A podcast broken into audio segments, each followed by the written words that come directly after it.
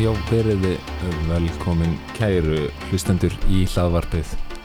Í dag erum við með mjög skemmtilegan þátt fyrir ykkur sem ég er búin að býða spenntur eftir að gefa út. Um, við munum fá í viðtal til okkar engan annan en fraktal en krydd. Þar sem við munum ræða bitcoin og ofskinnirafni og myndlist, og myndlist.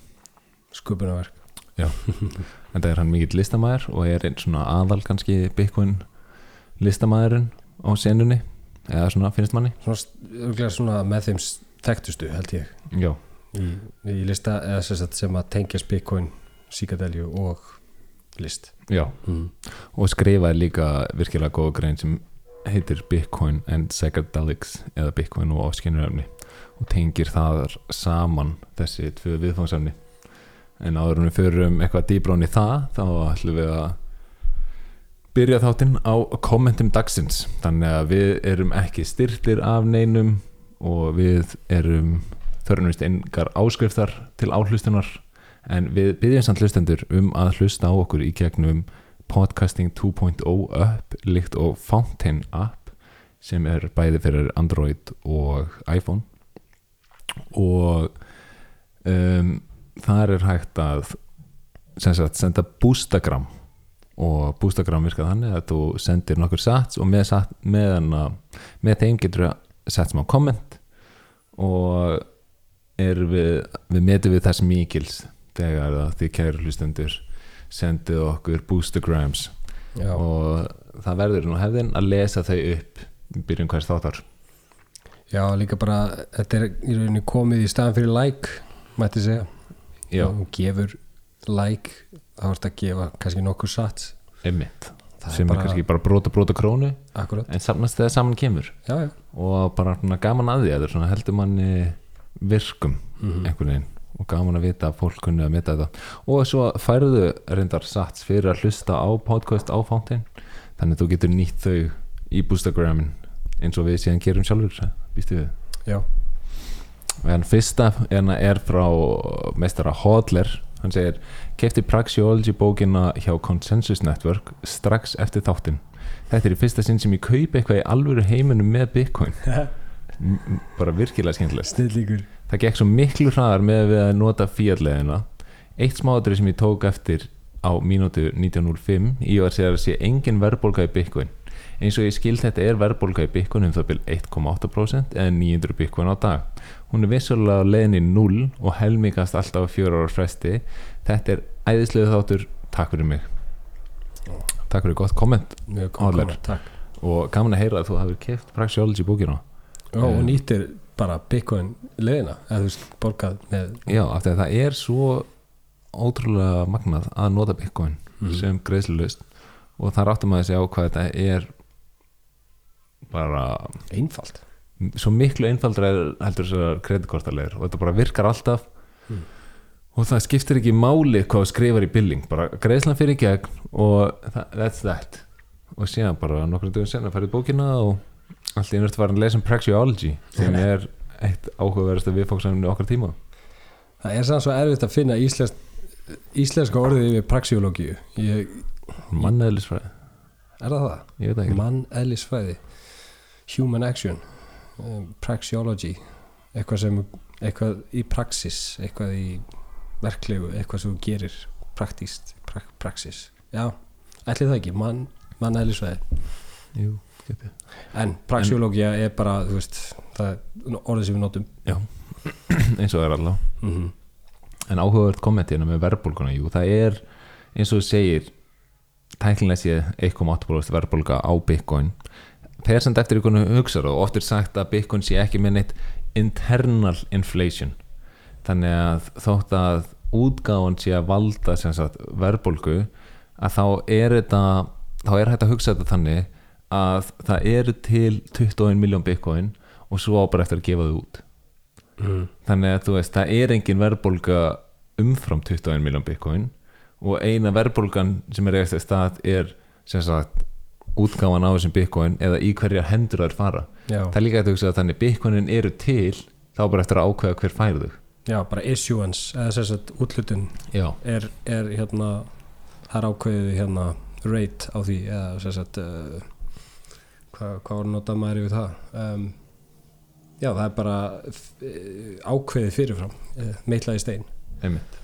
Þannig að við getum hort á þannig en jú, að vissulega er 1,8% verðbólga á Bitcoin mm. og hún mun núna minka niður í hvað er það 0,9% eða hvernig helmingast líka væntalega eins meira því að þú veist á þeim tímapunkti verða verða fleiri bitcoin til en er að koma út að verða alltaf minna en 0,9% verðbólga innan bitcoin eftir stuttan tíma.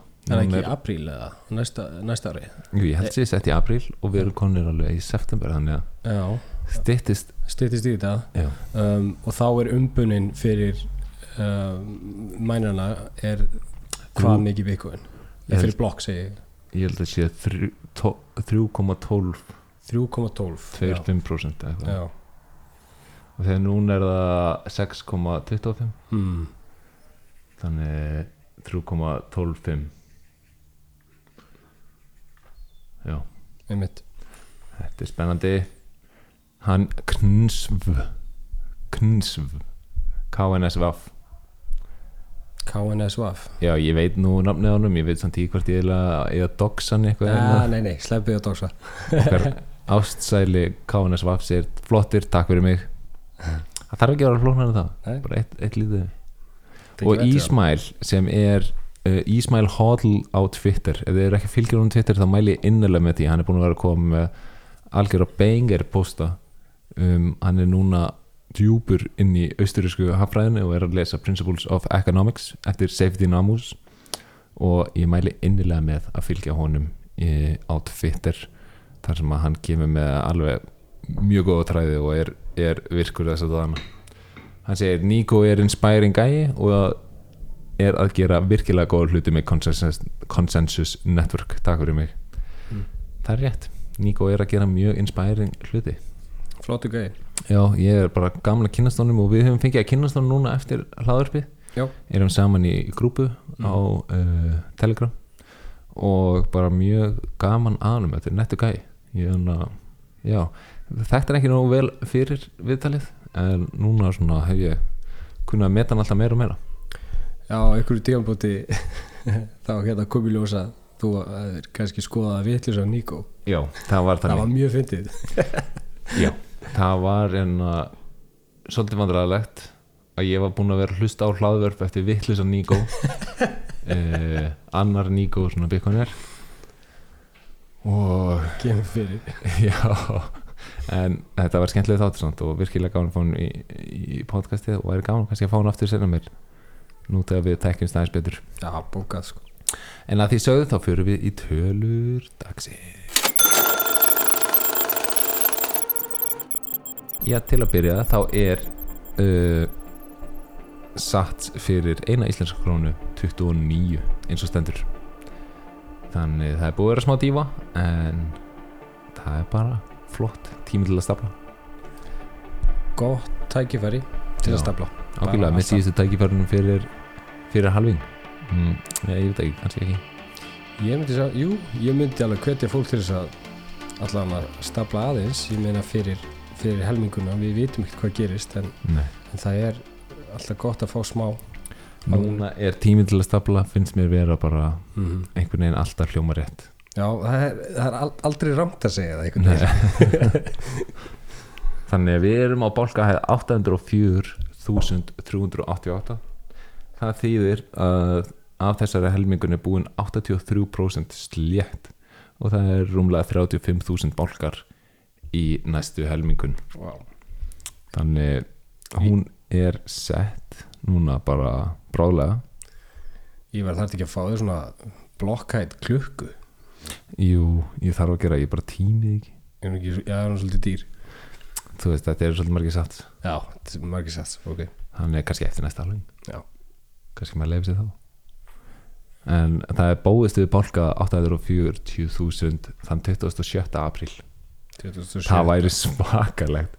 Af því að þú veist, ég held að fara alveg meira hassreit að koma on-chain þangað til ef við myndum hitta á 420 halving það væri epic 2024 það væri svo epist fyrir Ha. bara held ég alla. Já, um, við vonum. ég vona að hlustendur viti í hvað við erum í hvað við erum að vitna með 420 já, það er ekki allir sem vita hvað það er en, en hérna Ívar, líklegt þú, kannski getur sagt aðeins betur frá því. Ég veit nú ekki upprunnan að því en það er hægt að googla. Já, googlega bara. Just google it var það ekki ammælega hans Hitler? What? Ég held Nei, eða? Jú, ég held það. En af hverju tekist það það tengist ekki, það bara það, jú, það er, það er 20. april það er kannski tilvílum bara. Já. Það er svolítið fyndið. Um, já, fyrir utan það þá erum við bara góðir á tölunum og áðurinn förum í viðtalið þá förum við kannski nokkra fréttir líðandi stundar. Hljóma vel.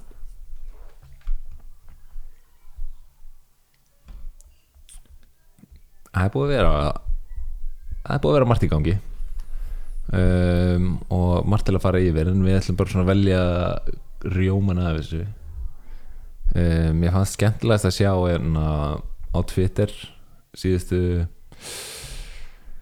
já síðustu dag þá hefur Bukeli verið á Twitter og er búin að vera svona að halda aftur að sér að segja segja ekki að I told you so.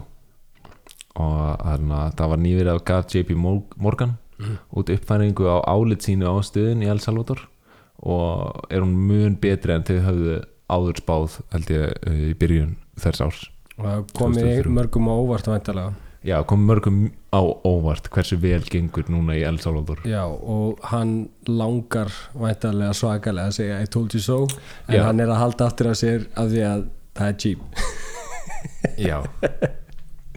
Ég verði að viðkjörna að ég fekk gefins ból sem stendur á uh, I told you so og Já. Bitcoin merkið ok, ég fer ekki í hann strax. Nei. En, en það er svona ákveðin, kannski svona ákveðin hróki í því sko. Það er það, maður verður að vera sína auðmygtuna algjörlega, ég sammála- sammála. En kannski tekið hann einhver tíma út. Sjáum til. Sjá, til- já, ég, ég meina, maður var að gera það ykkur tíma en, tweet, en, en að Bukele hann tvita I will not say I told you so. Og svo stöttu setna, það, þar sem hann- þar sem hann tvítar þessu með JP Morgan. Og síðan nokkrum dögum senna kemur hann I really really want to say I told you so. Hann við fréttagrein Bloomberg sem að hún les hérna El Salvador president Nayib Bukele scared off Wall Street by embracing Bitcoin two years later. The bond rally he's overseen is proving too lucrative to resist.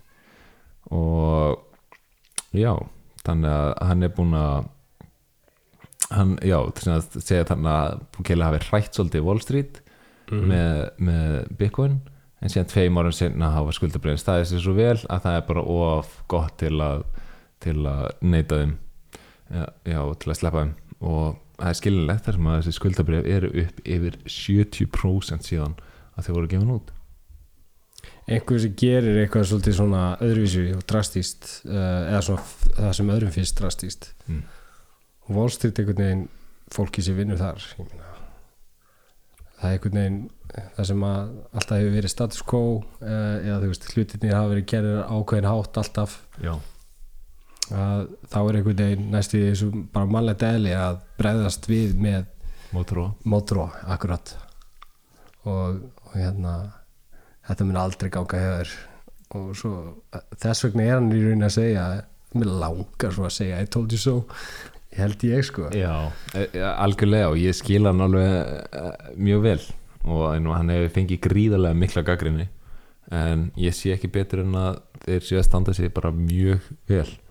Sérstaklega ef maður sér þetta, sér skuldabriðan ganga sér hvernig þeir eru að borga niður skuldunum sínar hvernig hagkerfi er að taka gríðarlega við sér og hvernig fólk er að lappa frjálstúðu gödum þrátt fyrir að þetta var uh, sjúk brot á mannréttindum hvernig þeir uh, handtóku alla sem voru með húðflúr að þá á einhverju á einhverju leiti skilum maður þá líka að hvernig þú Já. veist, ef fólk kemst ekki út úr húsi á, bara á daginn eða kvöldin bara kemst ekki út úr húsi vegna hræðslu við gengjum þá þarf að gera eitthvað drastíst þetta er alltaf hot topic og ógeðslega kontroversialt en, en hérna þegar það er upp á sko, veist, hvað að segja líf og dauða. Og ef þú býrð ekki að það og hefur ekki upplifað þetta og lifað í gegnum þetta þú veist, það sem verður með gengi á hverju guttóðni Mhm. og bara svona, þú veist, bara klæpana og, og morð og, og skotar á sér og hýfstungur og ég veit ekki hvað.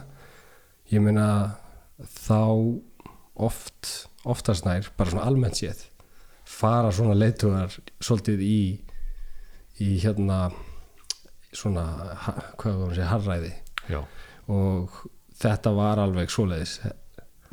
Þetta já. var hard punch. Mm en nú er kannski að koma í ljós svona aflengarnar af þessu. Góðar og slæmar. Já. Ég, ég held að tíminn er eftir að leiða þetta svolítið betur í ljós. Já, ætli, við se, segjum það. Um, það eru margar hliðar að þessu. Um, svo kom hérna í gær svolítið gott hérna Paul Krugman uh, hann er einn ein svona þekktasti Fiat Kinsey hagfræðingurinn. Hann hefur verið að kenna við stærstu háskóla í heiminum.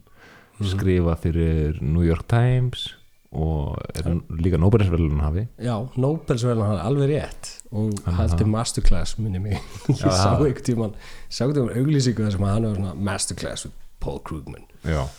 hann er svona elskaður af elítinu svolítið en það talar hann upp peningaprendaran já, hann er líka svolítið þekktur á internetinu fyrir bara einn versta dóm uh, allra tíman er svona hægt að segja.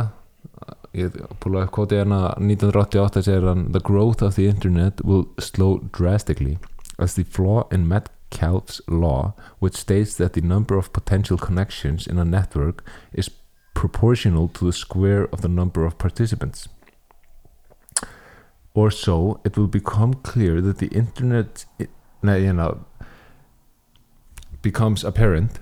Most people have nothing to say to each other.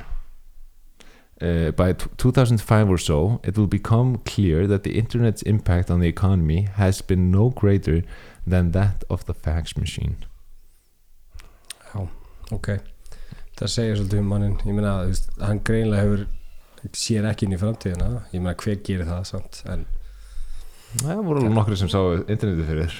Já, en, en svona að koma með þú veist, þú veist þetta er mjög hrókafullt að koma með svona ályktun sko Einmitt.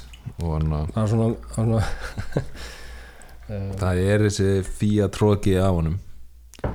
Uh, hann sýnir ekki auðmygt, hann Pól Krúkmann. eða kannski bara svona elítu hróki eða, eða þú veist svona uh, specialista sérfræðinga uh, einhvers konar dramp,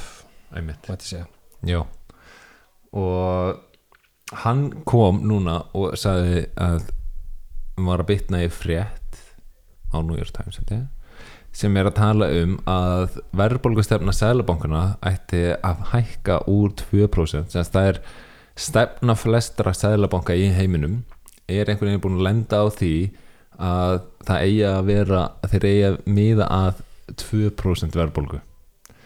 Og náttúrulega þegar maður hugsar þetta eitthvað út frá first principles hugsun eða svona út frá fyrstu lögmálum hvaðan þeir fá þessa 2% tölu er algjörlega bara puttin út í loftið. Ja, 2% Já, og, og það, það var komið frétt sem segir já, hann að að, já, það var í Wall Street Journal og hún segir að, hérna, að, það, að maður að nafni Jason Furman hann kalli að það eigi að vera 3% anna, inflation target. Þannig að Sælubankna er ekki leikur að stefna því að halda verðbólgu í 2% þeir ætti að stefna 3% og þetta er bara svo hlægilegt eitthvað. Hann segir hérna I agree with Jason Furman's call for a 3% inflation target. The rationale for 2% has been overtaken by a couple of decades experience and many of us have been saying this for a while um, já, maður bara svona áttar sig ekki á hvaðan þeir eru þú veist, þeir fara alveg gegnum einhver svona sínar ástæður fyrir því en, en þú veist, það er ekki byggt á neinum hörðum gögnum. Þetta er bara þetta er algjör svona putt út í lofti að, ætti kannski að vera 2% eða, ætti, kannski er 3% og ef 3% er betur en 2% ákveður ekki 4% betur en 3% já, maður bara og af hverju ekki 5% þá betur en 4% já, þetta er svona hver leikrið sko. Þetta er bara algjört leikrit og sannleikurinn sá að þetta er allt saman hérna smá flugulafæriður sannleikurinn sá að þetta er allt bara tóm þvæla auðvitað á ekkert að vera neitt uh, verðbólgu markmið sælabankana og þeir eigi að reyna að halda verðbólgu í 2% það er bara út af því þetta er skuldadrifið hagkerfi og ef það er ekki verðbólga þá hrinur allt saman. Já, það er bókstæðlega það bara. Og þannig að þeir eru núna bara kallast í því í staðin fyrir að ræna þið 2% á hverju ári eða allavega stefna því að ræna þið bara 2% á hverju ári að þá er að stefna þið að ræna þið 3% á ári sem því það að peningurinn hverfur helmikið hraðar. Já, og já, þetta er svona típisk skoðun fólmönum eins og Pól Krúman fólki kannski finnst þú veist, prósentutölur ekkert eitthvað drastískar sko. Þú veist 2% versus 3 versus 4 versus ég held bara svona flestir á, er ekki, átt að sé ekki á þessu. Nei, ég er að ekki að að þetta sé ha, vilja kannski ekkert eh, reyna að skilja þetta einu sinni? Ég, ég, og ég skil alveg þá hugsun veist, bara, æ, ég, ég er með nóg með mitt sko, ég er að pæla ykkur um verðbólgutölum. Um mitt þú veist who has the time? Akkurat Þannig að maður svona, já þannig að maður skilur að fólk svona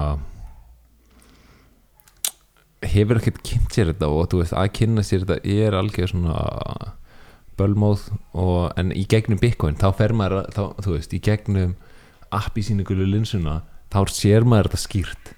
Þú veist, þegar maður fer að stúdera Bitcoin og austríska hagfra út frá fyrstu lögmálum og allt fer að make a sense fyrir manni þá bara svona já hvað, þú veist, þetta er bara þetta er bara þjónunar og þú ert bara að reyna að réttla þetta aðeins meiri þjónunar já, þau eru líka og uh, nota beina 3% er miklu meira en 2% mm, þú veist, það er alveg bara helmingi meira. Líka bara að þú fer að hérna rýna aðeins í þínar eigin þú veist svona uh, koma að segja svona fasta skoðanir uh, og gerist aðeins gaggrinni á þær.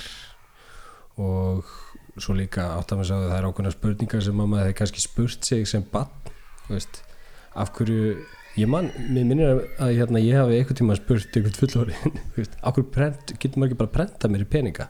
Mm -hmm. veist, þá á ég meiri pening. Einmitt. Já, þeir eru með nokkuð góð kommentin eins og eitt. Why not 100% it seems to be working in Argentina. Já, já, uh, Pierre Richard, is this a parody account? já þetta er bara komið út í rugl sko. Þannig að um, Coinicorous imagine advocating for greater time theft. Ég hugsa að veist, þetta sé tækifæri til að benda líka á hérna greinina hans um, Jeff Booth. Finding Signal in a Noisy World. Um, það sem hann talar akkurat um það sko að svo mikið af þessu öllu er bara noise þú veist, er bara suð. Einmitt.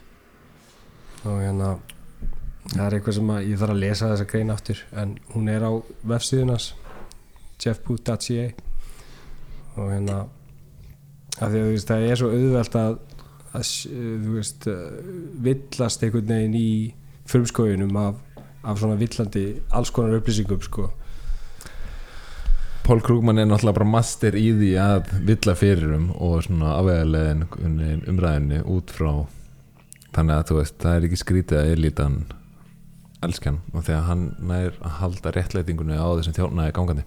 Já,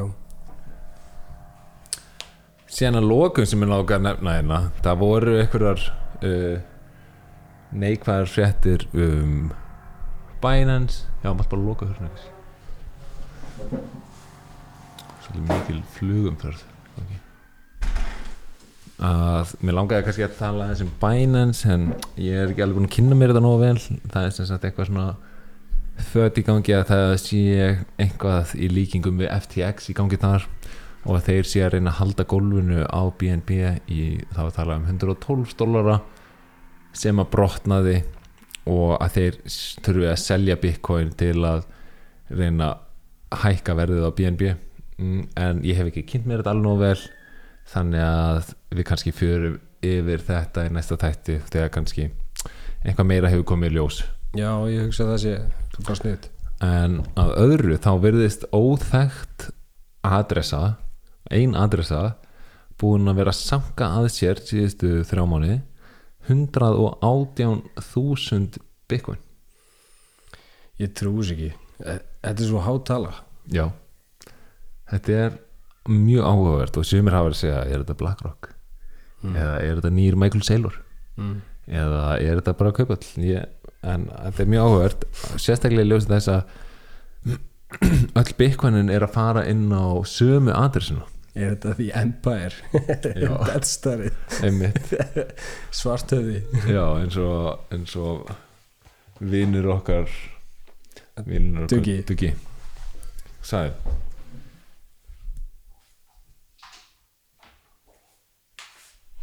mm. en einhver er þetta og hann er búinn að vera samkvæður og er mjög áhugavert að skoða adressuna því að fyrst sér maður að fyrstu fænslunar inn á adressuna eru svona, hann byrjar að senda 0,25 bitcoin mm.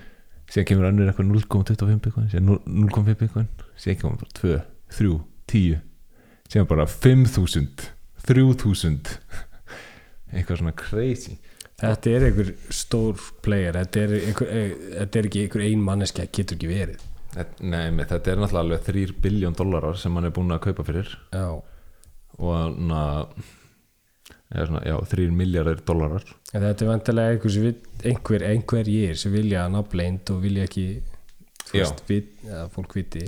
Einmitt og þess vegna er búið að að halda fram er kannski BlackRock með FUD campaign í gangi er búið að vera svolítið svona FUD í loftinu í Bitcoin síðustu misseri er þeir að gera það og saman tíma sanka að sér uh, ótrúi Bitcoin sko það mann alltaf ekki óvart í rauninni, Nei. ef við gerum það. Þú veist, það er bara taktík sem er, er bara held ég vel þekkt. Já. Og en þess vegna er alltaf gott bara að sína auðmygt stapla sats og ekki selja. Þá getur þú svona komist hjá því að vera blektur á BlackRock og selja þeim ótrúi Bitcoin já, þannig líka held ég bara betra fyrir taugarnar. Já. En að máli málana Fractal Encrypt Þannig komið svolítið síðan hann kom í spjallið til okkar. Við höfum ætlaði að gefa hann þætt út aðeins fyrr já, En ekki alveg komist í það Bara mikið að gera svona á sumurinn Og þið viti hvernig þetta er. Já mikið vinna og hérna, svona, komið upp svona smá veikindi líka. Svo maður verið aðeins frá. Um, En virkilega skemmtileg þráttur Og því líkur magnaði karakter sem Fractal Encrypt er Fyrir ykkur sem þekkjan ekki Þá er Fractal Encrypt þekktastur fyrir uh, skúltúr sem að hann kallar The Full Node Sculpture. Já, The Bitcoin Full Node. Já, mjög falleg, fallegt verk sem að hérna þetta er svona risastórt tréverk mm, sem hann býr til og það er svona risastórt þetta er, þetta er alveg svona massíft piece. Ég myndi segja að diametrin er kannski svona ætla að sé ekki meter eða eitthvað svo leiðis þetta er ekki það stórt en þetta er samt mjög dítilur og flott verk. Spyrjum út í það í þættinum. Einmitt. En þetta er náttúrulega svolítið byggt á hans uh, áhuga á, á öllu sem er sko ringlaga og ringrásarlegt uh, ma, sko mæja klukkur og, og hérna svona ævaforni kultúrar Mhm. mm Egiptar, híru, hvað kallaðast það? Hieroglyphics Já, uh, hieroglyphics. hieroglyphics uh, já, mæja kalenderið. Um, og svoleiðis. Og hérna þannig að ég held að hann hafi notað þetta er náttúrulega úr, úr við sagt, eitthvað af þessu er vantilega crossviðu líka. Og ég held að hann hafi notað laser cutter til að veist, etcha í, í viðin Já, og sko, að, þú veist kannski hann notað líka gufu svoðið timpur þú veist. Það er alls konar tækni sem þetta beita. Ég er að tala af því, af því að ég hef sjálfur verið aðeins að vinna með timpur einmitt, einmitt. Og þið tengdu alveg mikið við báðir listamenn.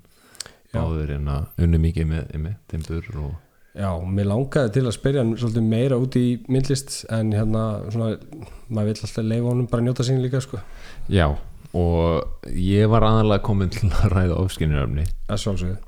Og var mjög spenntur fyrir því að því að uh, hann veit mikið um það.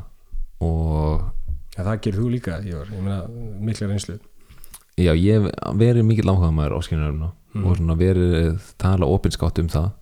Um, og þannig það var mjög áhugavert að því ég tala bæði opinskátt um Bitcoin og ofskinnuröfni sérstaklega eins og á Twitter já, eða X eins og það heitir í dag.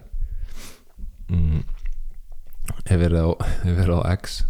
Ég er svolítið áhuga, eða þú veist, mér langar að spyrja þig veist, hvað langaði þig að spyrja hann fyrst, hvað var aðal uh, hérna spurningin til hans sem að svona brann mest á þér? hver er þessi tenging milli Bitcoin og ofskinnuröfna já, ok, einmitt og, og hann svarar því mjög vel í grein sem við munum linka í þáttin í notes mm. þar sem henn, hún er postið á Citadel 21 og hún heitir Bitcoin and Psychedelics.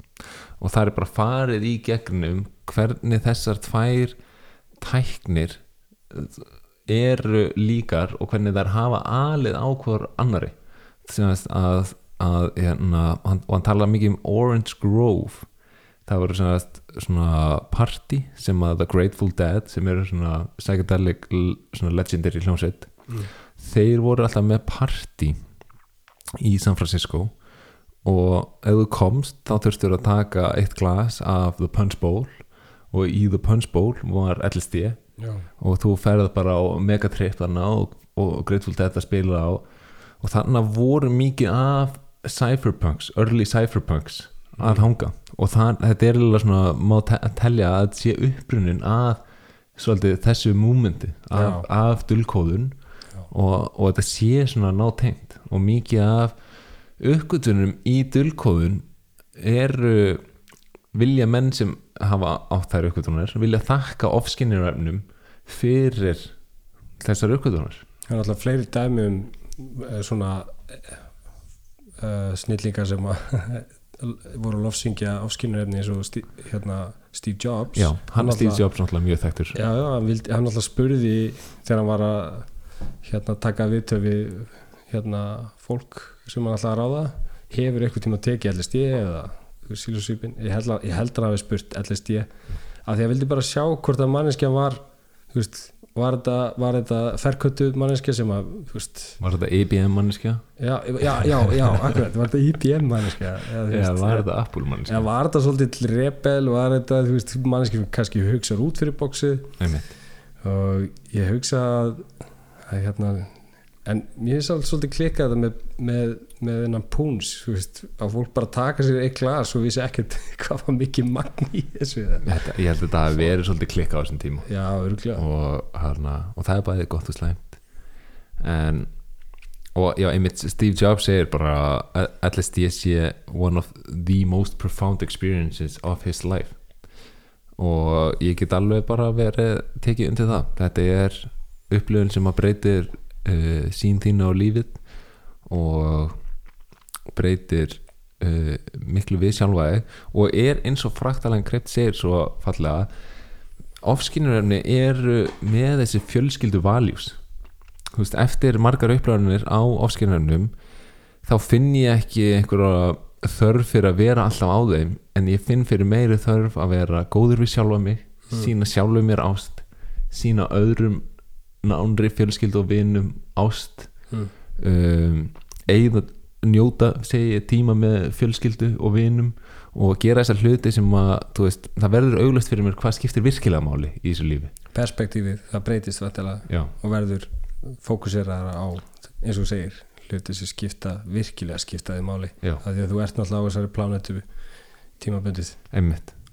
Og, og Bitcoin og óskinarinn eiga þetta samilegt að, að þú veist það er svolítið svona misconception hvað er íslensk orðið hérna, mm. hérna mm.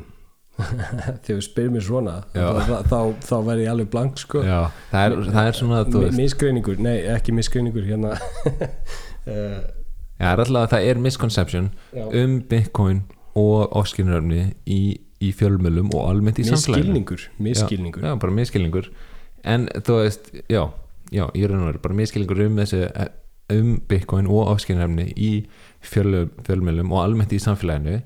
Og er líka áhugavert að þessi miskilningur er drifin áfram í báðum tilfellum af ríkinu.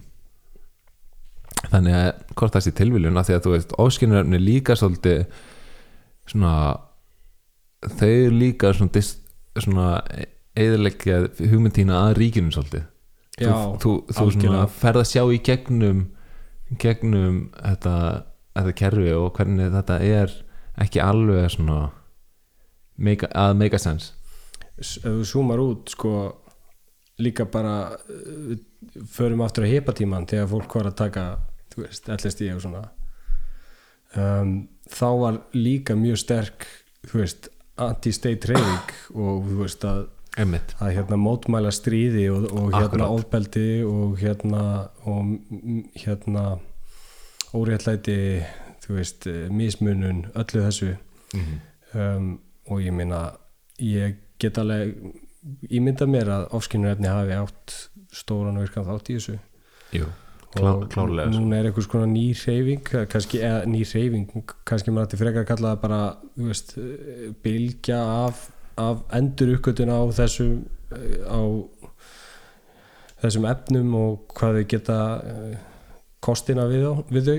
Einmitt, og við vitum bara hérna bara svona í samfélaginu að það er, er orðið miklu minna tabú. Það var að aðskilja líka sko, þú veist, lif sem eru hugvíkandi ofskinnunarefni versus, þú veist, ávanabitandi lif einmitt þess Eh. að ég þóla ekki að fólk segir hvað, að, að þú veist, maður er kannski með sveppi eða eitthvað, eitthvað er þetta eitthulif ertu með eitthulif eða ertu með fík, er þetta fíknefni Fí, fíkniefni, Bara- eiturlif hlusta þessi orð.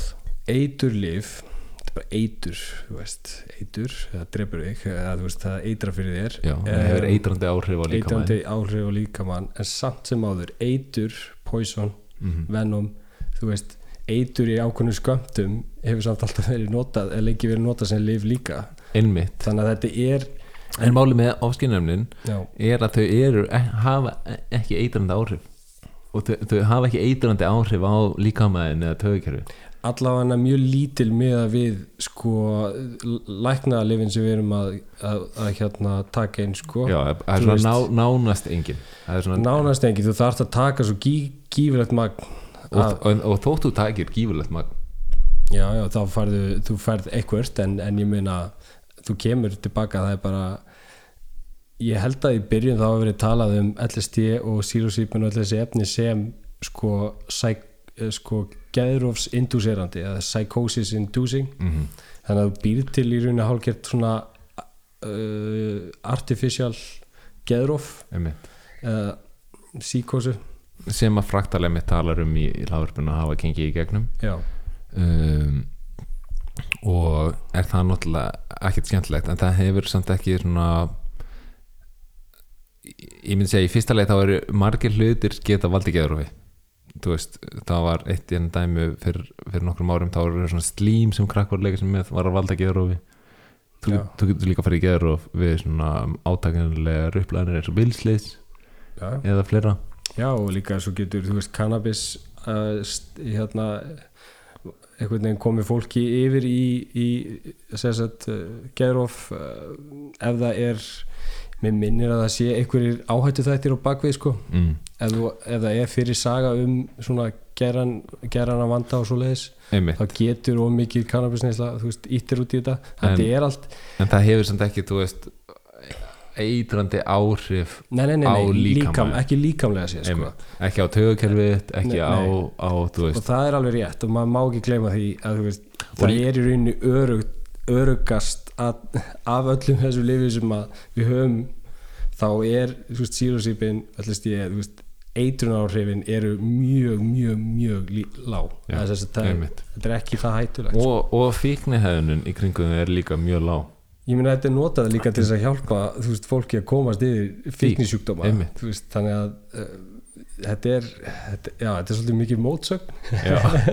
Þannig að ég reyna alltaf að segja bara nei, þetta eru ofskinnarlif og þegar þú tekur þau þá skinjar þau meira. Þú sérð skýrar liti mm. þú heyrir skýrar þú hugsunin opnast stöðvar í heilanin sem voru ekki áður tengjast tengdar byrja að tengjast og, og þú átti þess að yfir yfir gnæfandi upplifun að við séum öll eitt.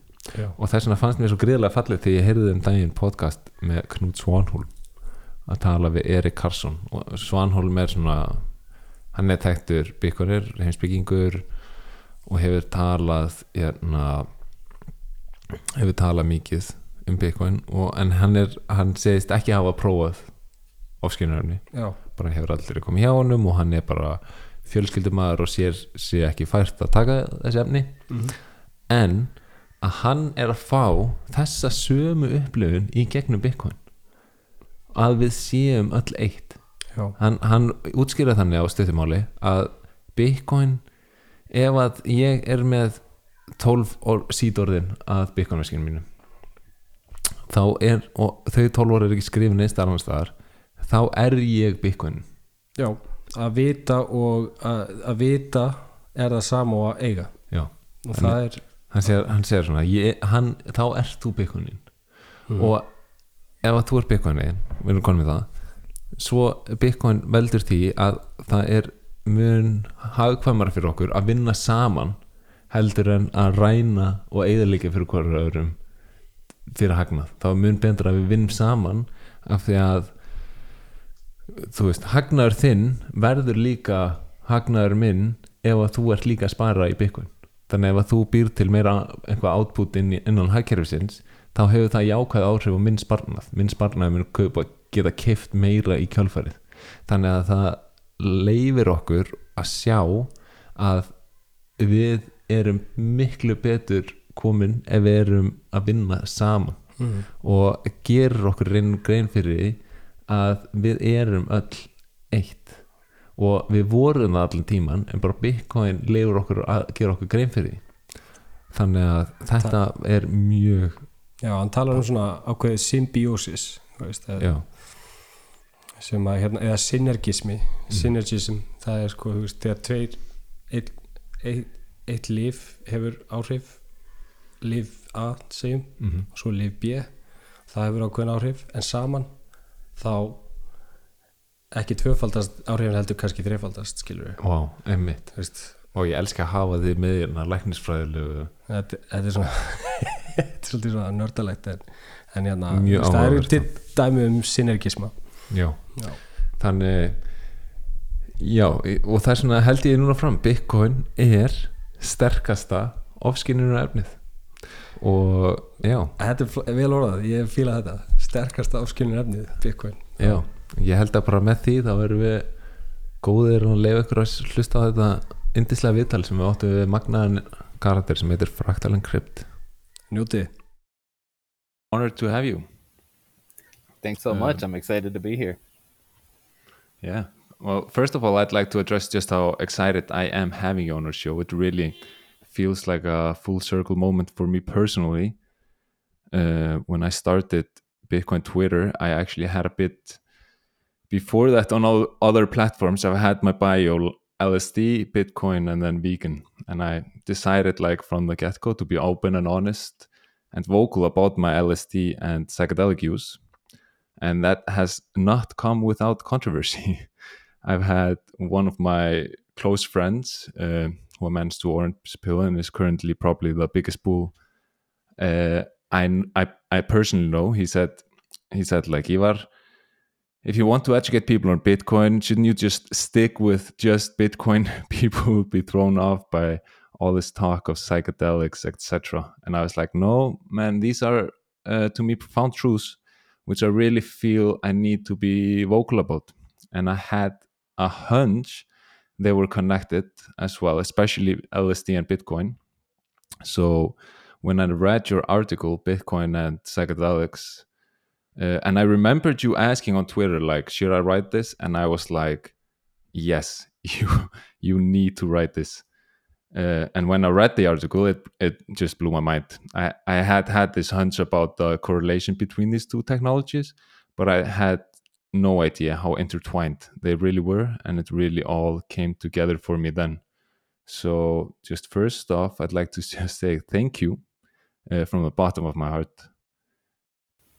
Oh, well, that's awesome. I'm really glad that number one, the message connected us in that way. And I can definitely relate on many different levels there. And I actually have a cool story about how I originally, because before I did Bitcoin art, I did uh, psychedelic art. and it was very unapologetic psychedelic art, like extremely. Uh, like I would do stuff with blotter art and uh, you know the molecules it was not like it wasn't very subtle in essence. It was very like kind of in your face. I even have one called the lsd mandala that actually has instructions to make lsd and if you follow like all the steps in the drawing you end up with 31000 hits of really good quality lsd so i was very like unapologetic about it and how the way that i kind of got there was was an interesting story. I went to uh, basel switzerland for albert hofmann's 102nd birthday and uh, they had a big uh, psychedelic event there, and Alex Grey was talking, and I had just kind of started doing art for sale. I had always done art my whole life, but I hadn't really like gotten into like selling art yet. And uh, Alex Grey did a really powerful talk, and he talked about how he would hide different things about LSD and psychedelics in his art, and how he thought that that was, you know, okay, not only okay, but it was like a wholesome thing to do and it was beneficial for humanity. And he kind of didn't want to be quiet about it, like you were saying. He wanted to be very open about where his inspiration was coming from and where this art was coming from. And that was a very moving moment for me personally. So that kind of set me on a path of just being just very open about it. Like these aren't anything to be ashamed of. These are very like wholesome family values. These are like actually good for the planet and it's just misunderstood.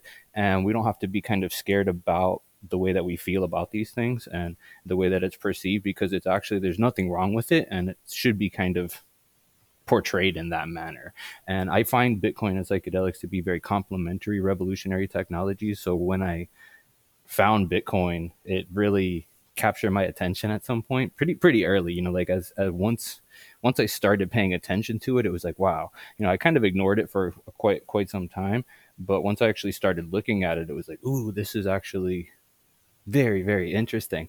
And i had a kind of like a, a turn moment maybe around december of 2017 where i actually did my first bitcoin art.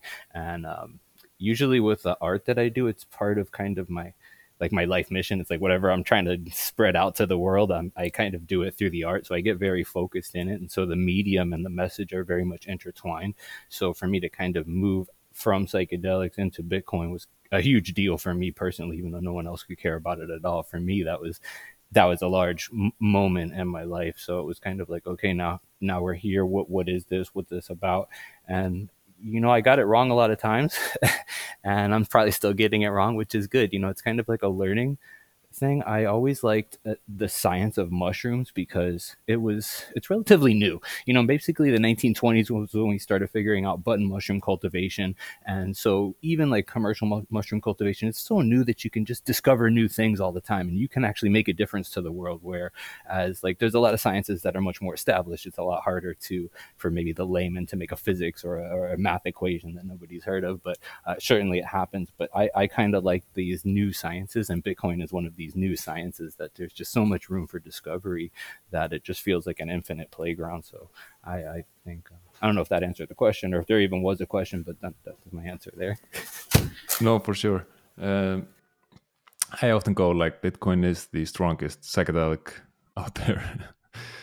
for sure but I, I i'm interested just off the bat like how you how you got into bitcoin and like your little orange pill story Ah, okay. Well, the reason I got into Bitcoin was actually through art um, and psychedelics, actually, because I had a uh, website where I sold the psychedelic art, and I actually had a guy that reached out to me from Brazil that had wanted some of the blotter art designs that I had created, and he wanted me to.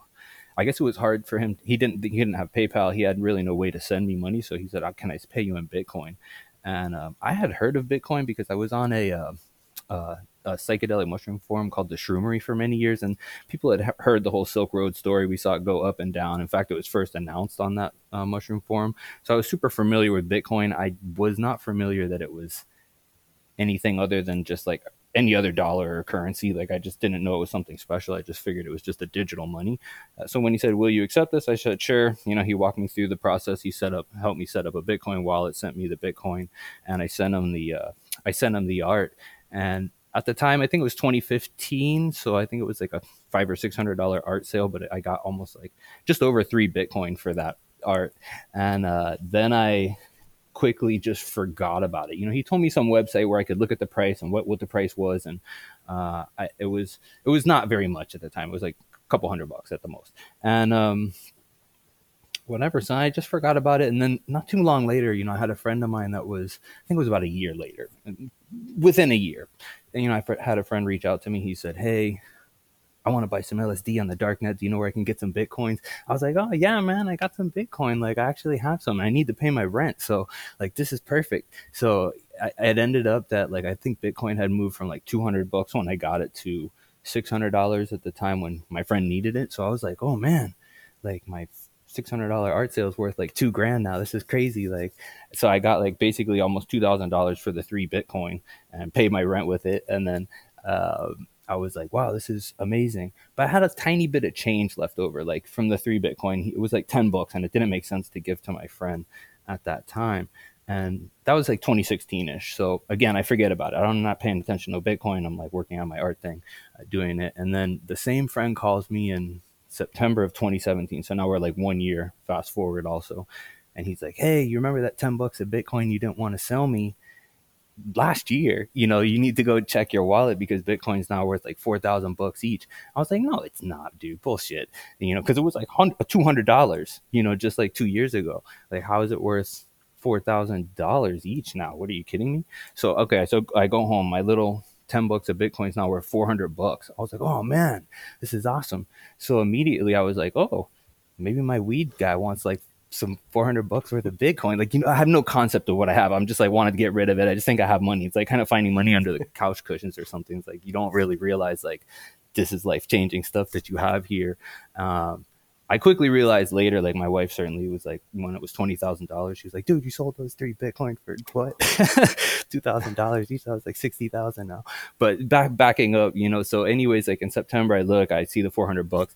The weed guy doesn't want the Bitcoin. I buy my weed like with cash, and so I still have my little uh, 0.1 of a Bitcoin, and I just from September to December, it kind of moved from four hundred dollars worth of Bitcoin to two thousand dollars worth of Bitcoin. So now my original purchase or my original sale that was only 600 bucks to begin with. I already got 2000 out of it. Here's another 2000 like now i'm starting to see this magic internet money thing happening like what the fuck is going on you know? So like now you've got my attention. So from so around like i, I want to say like thanksgiving ish around that time of 2017 i that's when i started really like looking into bitcoin and seeing like what this was. And there was not very much good information at that time. So I was the stuff that I was finding was like a whole bunch of YouTube traders that were trading shit coins and like really excited about it, and they were calling Bitcoin um, slow and and boomer tech, and it was old and and and slow and whatever. It was like the dumbest thing ever, according to all these shitcoiners. And and their stuff was the new cool thing, and and you would definitely want to buy their new cool thing instead of Bitcoin. So like, I I think like the the little point one of a Bitcoin that I that I had, I like probably lost all that shit coining pretty much, just like buying all these weird shit coins. Oh, I want to get Tron or I want to get Stellar Lumens or I want to buy like Ethereum or you know whatever. Oh yeah, there was like some there was the ICO thing going on at that time, so people were getting all excited about dumping this money into ICOs, yeah. and because of because of that, it was pushing the price of Ethereum very high because you needed Ethereum to buy these like really retarded shit coins. So like it was it was pushing the price of that really high and just there was not a lot of common sense going on, but so I was just kind of wrapped up in this whole thing. But I think that was a very powerful lesson to me because I think sometimes you have to learn lessons the hard way. So like actually putting skin in the game and then like losing it that's a pretty powerful lesson you know like i think so i learned a lot from that whole like this is like my my how did i get into bitcoin story? So i learned a lot like during this process you know i like basically had three bitcoin and then sold it for nothing you know and then i had a little more and then pretty much did the same thing again. But so you, i think those being so painful in retrospect like looking back and being like damn you know three bitcoin at the at the peak at like when we were 69,000 or something, three Bitcoin was $210,000. You know, like that's like, I mean, unbelievable sum of money for what was once $600 art sale. And it wasn't that long ago in between the time where those two things happened. It was like basically six years. So, um, I think learning these lessons the hard ways has definitely helped me to kind of harden my stance over time and to say, like, acid test all this stuff. Like, what's going on? Is this legitimate? Is it not? Um, I, you know, I also kind of felt hard for the Ethereum is the future of art thing, and NFTs are going to be awesome, and these are like the best thing for artists, and your art is going to be preserved forever on the blockchain, and you're going to control it. Nobody could tell you what to do. You're self sovereign with your stuff, and it turns out like none of that is true and you know like it took me a while to actually figure that out you know like at first there's the marketing and here's what it is and then I, I'm a curious person, so I actually started getting into the smart contracts and learning how these things worked. And like I even did some coding and actually like wrote some smart contract stuff. And then I was actually appalled at what I learned because there was things like pause contracts and admin keys where I felt like, okay, if I'm an artist and I'm issuing art on this chain, for example, but somebody has an admin key that can like reassign my tokens. They can actually take it away from me and assign it to their buddy if they want it. How does that make me self sovereign over my art? And then the art wasn't even like on chain. I'm putting quote air quotes here. Isn't even on chain forever. It's not on chain at fucking all. Like all they put is like a little hyperlink. You know, this this whole thing to me was very eye opening. And as an artist, I had to actually like take a deep look at myself and say like, I am complicit in this scam in essence. Like, I, like like if I'm issuing tokens and trying to get other people's Bitcoin, that's like the most shitcoiny thing you could do. Like that is like the definition of shit shitcoining is trying to issue a token in hopes of getting other people to buy it with their Bitcoin. So that's in essence what NFTs are. So as an artist, I was like, as I realized that, I was like, okay, you know, I'm out. And in fact, like I think like the last NFT that I made was was the BitConnect guy um, and I just said fuck scams. So I was like, all right, y'all, I'm out of here. So, and you know, I think that was like 2018 ish. So it took me about a year to go through the like to go through the washing machine of shit coins, I think. And all kinds of stuff happened in that time. There was like these things called masternode coins, which were I don't know if you guys no. know what those are, but there's some kind of it's like it's some kind of yield scam where basically oh um, in essence, these yield scams. I can relate you, to this. This is how I burned myself on shitcoins. yield farming. It's the, like the original one from 2017 where they probably started figuring yeah. this out. Like in essence, what they would do is you need a certain amount of these coins, and once you have, say, a thousand dash was like the original masternode coin. So once you have a thousand dash, then you can run a masternode, and the masternode actually is like an almost like a miner in Bitcoin where it's able to issue it's a proof of stake type of thing where, where you just actually get issued coins for having coins. So it's the worst type of like centralization thing that, that you can imagine. Um, and the APRs were so out of whack. It like they would make it look like you earn so much money. Like, oh my God, like they're worth like 200 bucks each for each of these coins and you're getting so many of these things.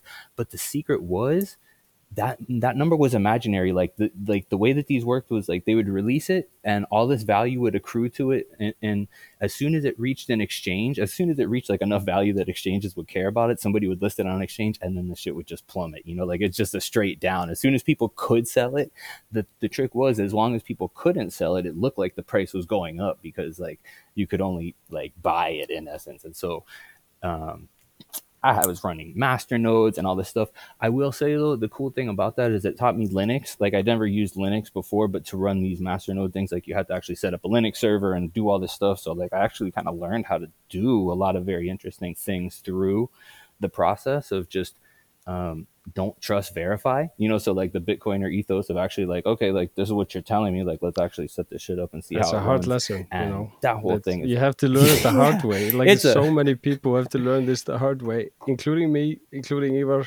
Yeah everyone. Yeah. like uh, we all burnt ourselves on this and we learned i think. Yeah it's it's an important lesson. Yeah, I think people think they call us toxic, you know, because we're I, I, have a low tolerance for that, just because I just I just to me, the shitcoining stuff is one of two things. You're either um, complicit, you know what's going on, and you know it's a scam, and you're there to profit, or you're basically just too ignorant at this point to understand that it's a scam and you're in it. So it's one of those two things. You're basically too dumb or too, you're you're complicit. Um, so I, I, people do call us toxic, but to me, it's just I'm being helpful because if people were actually like that to me, um, I even remember a couple people like I, in my journey, like when I was making NFTs and things, like would kind of say like maxi-ish things to me and it did like penetrate over time like yeah what the fuck am i doing here? You know like this is actually retarded.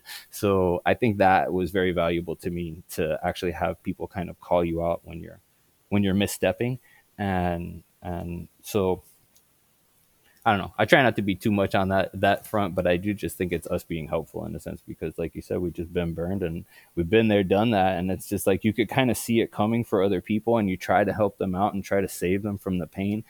It's it's a double edged sword though because like by going through it, you do come out the other end with that pain, and you understand like not to make this mistake again. But I think the other side of that is that there's been so much of that that now we're seeing a whole cohort of Bitcoiners that are coming on that just never have shitcoin. They just understand that like that's a bad path. Like it's well worn at yeah. this point. People understand it. Um, that just didn't exist when I was coming out. Like it was very much a multi-coin world. Yeah. So I think like we're definitely making progress. I'm I'm one of those believers that as long as people can make money off of other people, there's going to be shit coins. Like they're kind of not going away. But I think like it's just going to be harder and harder to scam people with them as time goes on because we're obviously reaching some people with the education. But didn't we also like? I definitely relate to that. Yeah. I've had uh, a few close friends now who who have just gone fully down the Bitcoin rabbit hole without ever touching shit coins, and they totally get um, why shit coins um, are nonsense, and it's just because of the immense education that has happened uh, between now and then. I'm of a similar school as you, of the 2000 like coming up in 2017, and I remember I I I was heavily into uh, Dan Larimer. I don't know if you remember him. He was like the head of, of the EOS, EOS, and, BitShares, all this stuff. Yeah, of Steemit and, and all that. And yeah. yeah, I was just like convinced that that this was the way, but I I hadn't really like I didn't get the money money part of it. And even though I had a close friend of mine discussing with me all the time that like no Bitcoin is the only one, etc., etc. I, I guess it wasn't until like I had read the Bitcoin standard and then I did actually psychedelics. And it it really helped me connect uh, the dots. And like because it becomes such an ego ego thing. You start relating so much with these projects that you start like identifying with them. And you're putting so much hope into just an EOS saving humanity from centralized services um, that it yeah it becomes this kind of ego thing. And I think that tools like psychedelics kind of uh, kind of numb the ego to the point where you're able to like take in and and like get surrender to to Bitcoin or like give up on this on this nonsense yeah, that actually hit me very deep when you said some of that because I had a similar path. Like the kind of, I actually had a moment and I wrote about it in the article where um, I just kind of got, I had taken some psychedelics and I got to the point where I was really evaluating the whole shitcoinery thing. And I was like, okay, at this point, I'm basically done. I'm just going online and selling all my stuff. Uh, and then I'm just going to be Bitcoin only from here on out. So that was like the psychedelic half of it that was similar to what you said. But the Bitcoin standard, I was lucky enough to see Saifedean uh, in January of 2018, he came to my town and actually did like a, you know, a little talk, and he, he read about, read part of his book, and me and my buddy went there, and um, it was it was very eye opening, and in fact, like Saifedean is very unapologetic, as I'm sure you guys know, and he was just like, you know, the only smart devs are on Bitcoin. You know, if they're if they're somebody working on shitcoins, they're actually not even a good dev- developer, and they're they're dumb, and all your shitcoin developers are dumb, and it was like how could he be so narrow minded? Why wouldn't he think that these people are, are good, you know, how what could they're he be doing? so toxic? So I didn't really get it right away. yeah, yeah. I didn't get it right away. I just thought he was maybe like wrong about that stuff. Like maybe he just doesn't know that but I also hadn't read the Bitcoin standard yet. I had just bought it on Audible. It came out. I was like listening to it on the way to his talk. So it, it was more like after the talk, I think it started to sink into me. Um, but I was resistant because just like Ivar was saying, you your identity gets attached to some of this stuff. And you you know you're like a member of the community in air quotes and and it's it's very it's it's a weird phenomenon. And i think that's part of what what goes on is there's like people kind of search for this connection in the world. And um, wherever you feel this this connection sometimes you can latch onto it. And so i think there, there's a predatory aspect of these things that work like that. And i've talked about this with nfts before how i think like the access to the free money at the top of the say whatever shitcoin chain you're going to issue your nfts on like there's people at the top of it that have a whole bunch of this free money. So they can actually use this free money to pay artists by buying their nfts and the artist it doesn't even realize that they're getting played by these people and in essence they're kind of hiring them to to do art for the chain because now all of a sudden they're kind of they're making art art here it's feeding their family they're getting benefit it's kind of doing good for them so there's this positive feedback between the shitcoin and their and their art and their life and like they become hired to do this stuff without even realizing it it's very insidious and um, and you know i do think it's purposeful on, on many levels and and some levels it's just totally subconscious and people like don't even realize it's happening to them or maybe that they are doing it, but they're trying to definitely create some kind of fake value for their underlying base chain. Hey, look, people are using it for NFTs. They're using it for all this value. Look how cool it is. And, um, you know, so it's like this weird feed, feedback loop that they're able to create because they have free money to yeah to incentivize other people to live their lives in a way they, they want. Um, so it's really Don't shit. you think also some people are just sort of uh, lying to themselves, you know? Uh, well, I'm just going to get, you know, gain some money from this and then I'll quit. Or maybe they sell themselves a lie. Without a question, I think we all lie to mm. ourselves in some ways for sure. Uh, I, you know, I remember the first guy that said he was a Bitcoin maximalist, like, and it was, uh, I had gone to a Bitcoin conference right around January of 20 or 2018. So it was right around this time where I was just, just kind of figuring it out and getting into it. So I didn't really know much. Um, and I saw this guy at a Bitcoin hackathon that I went to. He was kind of sitting on a sitting on a, a bench outside, rolling up a big fat joint. And I heard him tell his friend, "I will trade shitcoins for more Bitcoin.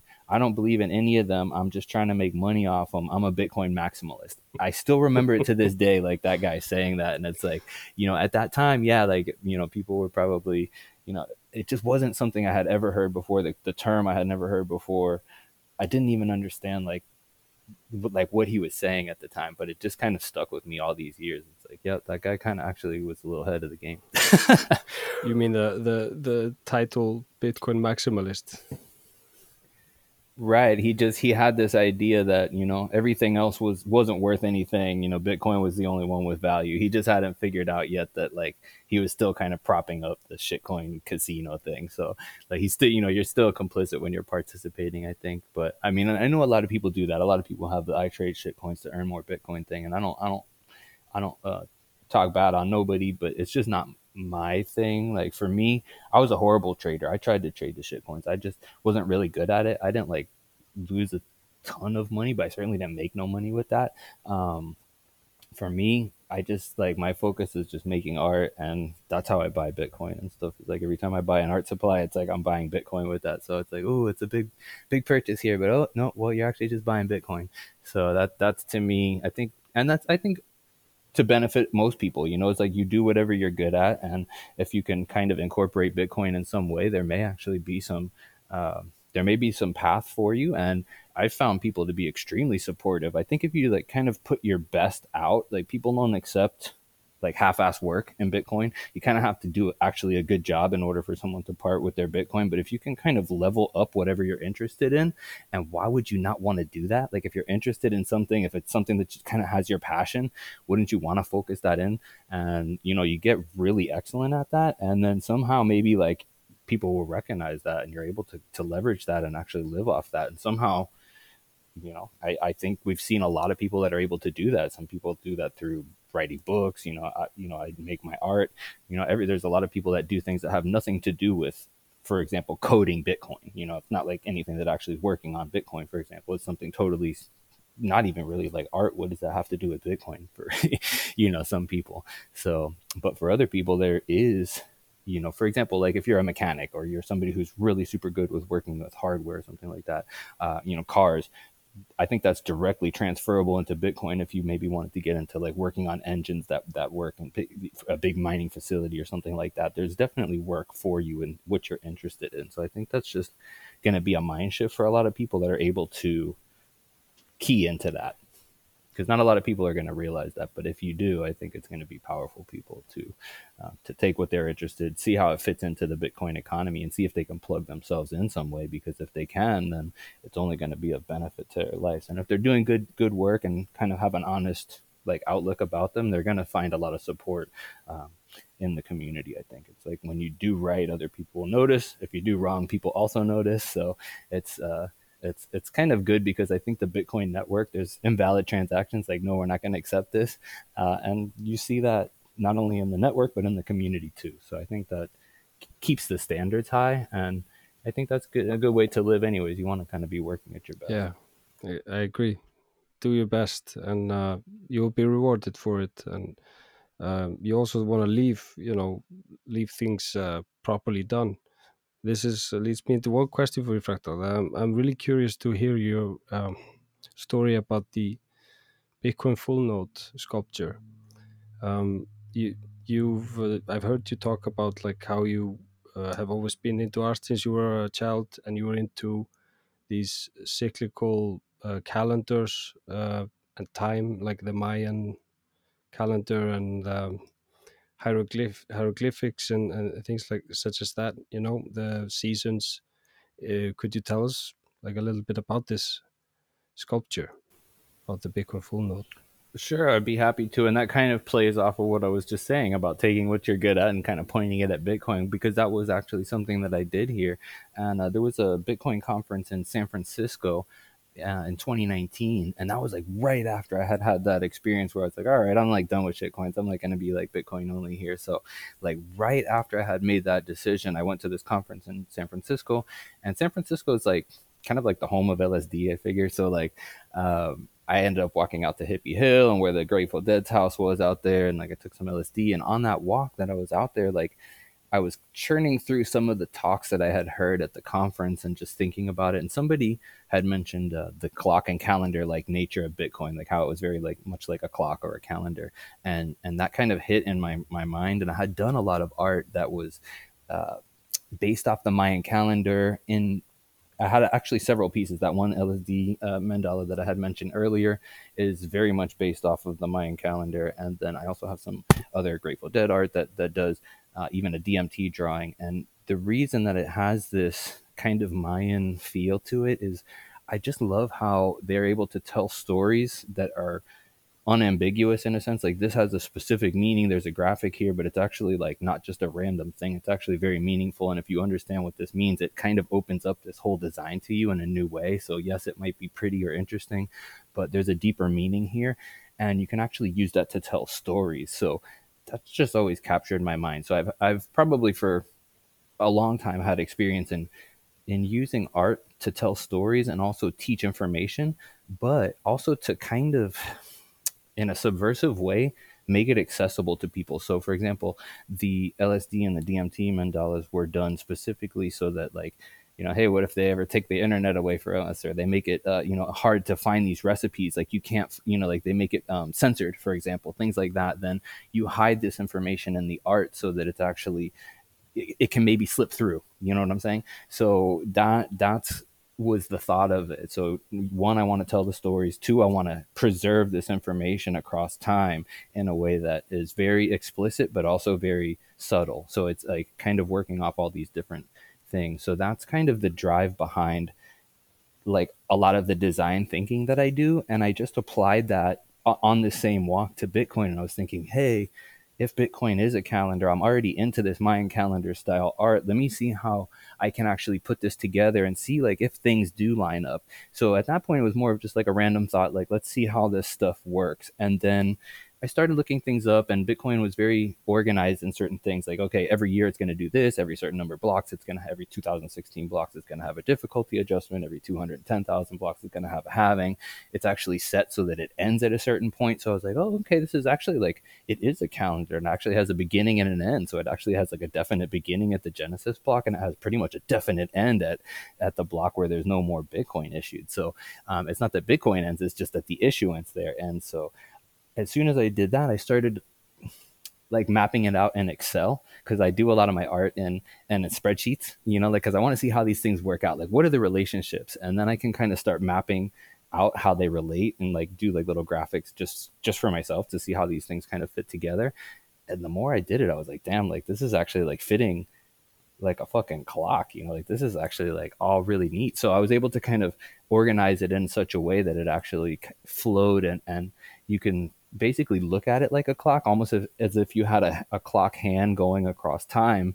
And it's going to tell you things like this is what year it is, this is what the current Bitcoin issuance is, this is how many Bitcoin per block that we're, we're going to have in this issuance, this is the halving cycle, this is like the number of difficulty adjustments that we've had so far and how many we have left to go. So it's it's like very much a very much a calendar and clock type uh, configuration. So once I had those things, I also wanted to include additional information. So I included uh, several rings that are simply like informational. So I did a ring that's basically called the Merkle tree Merkle tree layer, and it's got three sections: a financial, um, uh, a technical, and a political. So it's basically looking at under political, it's pretty much everything that's the non-code parts of Bitcoin. So me, you, the community, like what we think about Bitcoin and all the social consensus, things like that. So it goes through um, basically it, creates seven trees under each of those headings to make 21 Merkle trees. So it kind of shows that there's 21 million Bitcoin. The technical stuff just kind of shows that, hey, what are some of the technical things like what's under the hood of Bitcoin? So uh, it talks about things like ECDSA, SHA 256, proof of work, and then there's seven of those. And then it goes into the financial stuff. And the financial stuff is pretty much pulled right from the Bitcoin standard. So, like, what makes something money? You know, the divisibility, the portability, the fungibility, the unforgeable costliness. So there's seven of those as well. So, um, and it basically breaks the whole thing into these 21 sections of of I call them the pillars of Bitcoin. So these are the things that it stands on. So the, the technical, what's under the hood, the the people part of it, like you know, like us, us, and then what makes it money. So these are the three things that are, uh, you know, that I put in the sculpture. Actually, as I looked at it, there's just so many sciences that when I started looking at like, hey, like what kind of sciences do you have to understand to be, uh, you know, kind of well rounded in Bitcoin? And I think I came up with 20 or 30 different disciplines that you'd actually be interested. So I'm kind of trying to work that into an art piece too. Like, hey, we're like, what, like, what does this all stem from? Because Satoshi, in essence, kind of brought together so many different things. And you kind of wonder if he was just well rounded in all these things or just is some of it accidental or, you know, it, it's, I, and I love that. I love that he's not here and we can wonder about these things. You know, it's kind of like Inception with the little spinning top at the end. You don't know if it's reality or not. And it's just, so, ah, well, Basically, yeah, it's it's. I have to say, Fractal, it's such a beautiful piece. Uh, I I saw it first uh, on the co- front cover of one of Knut Svanholm's books. Um, I think it was uh, Independence Reimagined, uh, and and uh, yes. that's the first time I saw it. I was like, "Whoa, what is this?" And then uh, I've I saw a real picture of, of your sculpture, and and uh, yeah, it's a it's a wonderful thing, and I think like uh, we are we are often really fascinated by by these seasonal cyclical calendar structures. I, I think I saw or read somewhere that the cave paintings that were found in France that are showing all these animals um, is a is around is part in in a part of the cave and it's it's a it's um it's a halo. A, star, star yeah like a star oh, yeah. map that is showing when the seasons for this kind of animal to hunt and the other seasons are for this animal and this animal. So early humans like like primitive humans were still trying to map everything around them in like seasons. So yeah uh, this plays into uh, and like like the ancient cultures like mayans as well you know we we we want to we want to map things and and uh, i guess your the bitcoin full node is a little bit like that. You want to preserve as well knowledge and the more you dive deeper into the sculpture i guess you will see details that will interest you you know. That's definitely my hope is that it will kind of I try to make art that the more you spend time with it, the more you can find with it. You know, it's not like, oh, you just kind of look at it one day and you're done with it. It's like, no, okay, if you have this on your wall for a couple years, like you should be able to come up to it one morning with your coffee and be like, oh shit, what is this? I didn't know he did that. You know, so it's like I do disclose a lot of the stuff that's in there, but I definitely leave some things out. But most most of the time, if you see any kind of mark or a line in one of my pieces, there's a meaning for it. I do very little design work unless there's some intent, some kind of thing that thread that ties it together with with the message. Um, so yeah. Will we be getting like a mass produced one for a sample? I don't think I can mass produce anything. You know, I just, uh, you know, I'm usually lucky when I could, I'm, I'm always feel lucky when I'm able to pull off any of these things. So I get intimidated thinking about mass producing things. And the thing is, I also get very bored with reproducing things. So uh, you'll notice that if you look at my art, like I never really do the same thing twice. Like even with the Bitcoin full node, it was all the same underlying design, but every single one of them was different. I did some in mirror, I did some in wood, I did some in like these like weird holographic things, and uh, you know some in combinations of those. Even the design work on each one tended to shift. Um, the first three of them were done. Uh, with a specific design, with the original design that I did, and then I got bored with that, and I took seven months off, and I just sat there and I did nothing but like redesign it. And it, it, it it's things that may not be super noticeable to other people, but to me, it totally changed the entire uh, piece, and and also it, it became more popular too after that. So I do think the changes were were were relevant. Uh, but you never know. So I think like I think mass produced things for me are super unlikely just because of that the way that I work, and I never know what I'm gonna make. It's like I just have to kind of play around and see what I'm interested in. And and the interesting thing is making something like the Bitcoin full node sculpture. You don't want to get something wrong if you want this to last for hundreds of years. You know, like if you're making something that's going to last 100 years, you want to get the stuff right. So like it forces me to actually study things a lot deeper because if you want to teach something to somebody, you want to teach it in the right way. So it makes me like a better student i think of this stuff which just becomes more valuable to me because the more i understand it i think the more impactful i can make the art because like i can throw stuff in that is like when i learned it like oh wow i didn't understand that i didn't know that. So i can actually put these things into the art and maybe give other people those moments of surprise like where not only it's something that is interesting in the art piece but actually contains knowledge that they didn't have before and it's interesting to them and and, and you know spark something within them Makes sense. Makes sense. Um, yeah, so I want to dive, go back a, a bit into psychedelics, and especially your your article Bitcoin and psychedelics. So I'm a you know participant in the both the psychedelic community and Bitcoin community here in Iceland, and I'm constantly going between the two and trying to go like, hey, there are the similarities between these two are immense but it's kind of yeah i'd kind of like to hear you know well you say very eloquently that these are tools of self-sovereignty but could you give us like um, your basic pitch of of what these technologies have uh, in common Okay, sure. Yes, I yeah, I definitely think that's a good place to start with just be like a baseline of why I think these things are anything at all, but I think that there's a lot of similarities between the personal benefits that can be leveraged when you're using technologies like Bitcoin or psychedelics because they make you think different things. Just like I was saying, oh, you know, I do this study and I try to learn something and I get this this uh, this surprise of something new.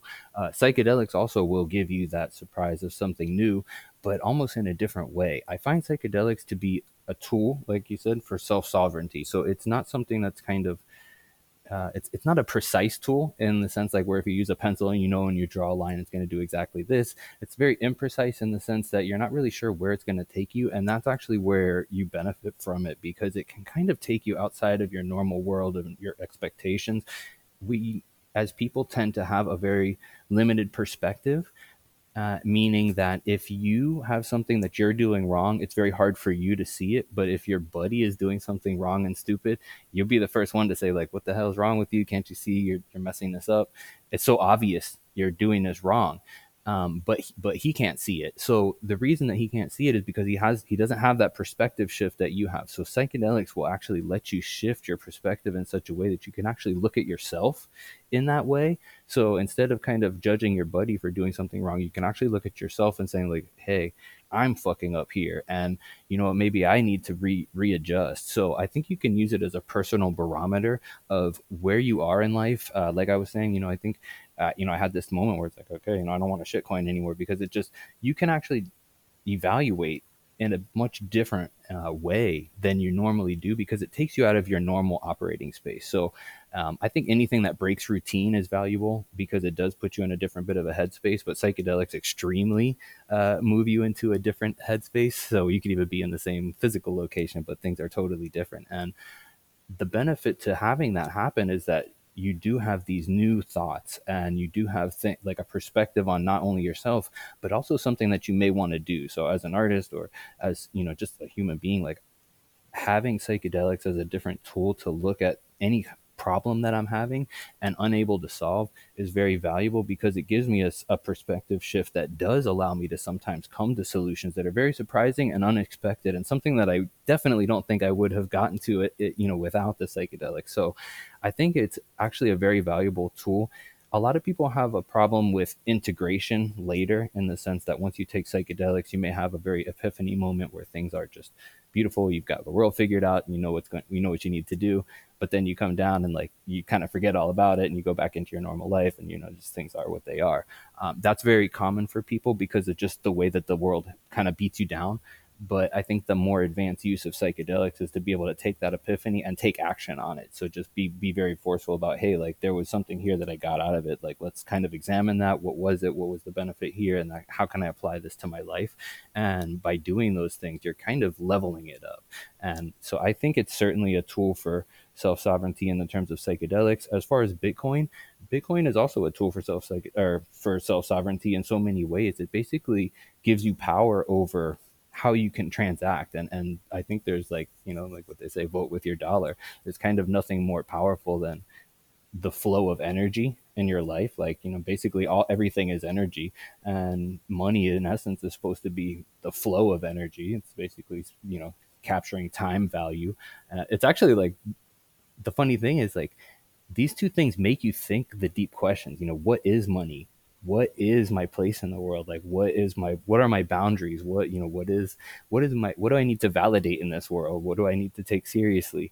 You know what what do i need to invalidate and make not valid in my life? So these two things are very complementary and there, there's a lot of uh, there's a lot of ground there. So i think that kind of covers that. I did just want to say that we're in a very weird time now like that has never existed before where in the past psychedelics were so underground that just nobody talks about them now you have netflix specials and amazon specials and you know it's like everywhere. There's like you know big conferences on psychedelics Mainstream. and there's a dark side to that. Yeah there's a dark side to that in essence. Like there's a very you know like there's the commercialization aspect. There's a shit coinery that's happening in psychedelia that we have to be aware of is all i'm saying. Uh, you know it's just that anytime people see value somewhere, they want to come in and harvest it and extract it from the people that are, you know, the pure community. It's hard to keep anything pure in this world. And, and I think we're seeing a, a very real dilution in, I don't think there's anything wrong with capitalism or corporatism and psychedelics. I just think like there's some really weird shit coinery stuff that I've been seeing lately. And I'm not really online with a lot of that. So it's like, I think like we have to, just like with Bitcoin, you just have to verify everything. You know, just look at all these things. What's the sources? What's the who benefits from this type of stuff? And and are you getting information that's real or is it marketing? I'm really interested in that actually. Like, uh, could you like give us a point point or give us an example?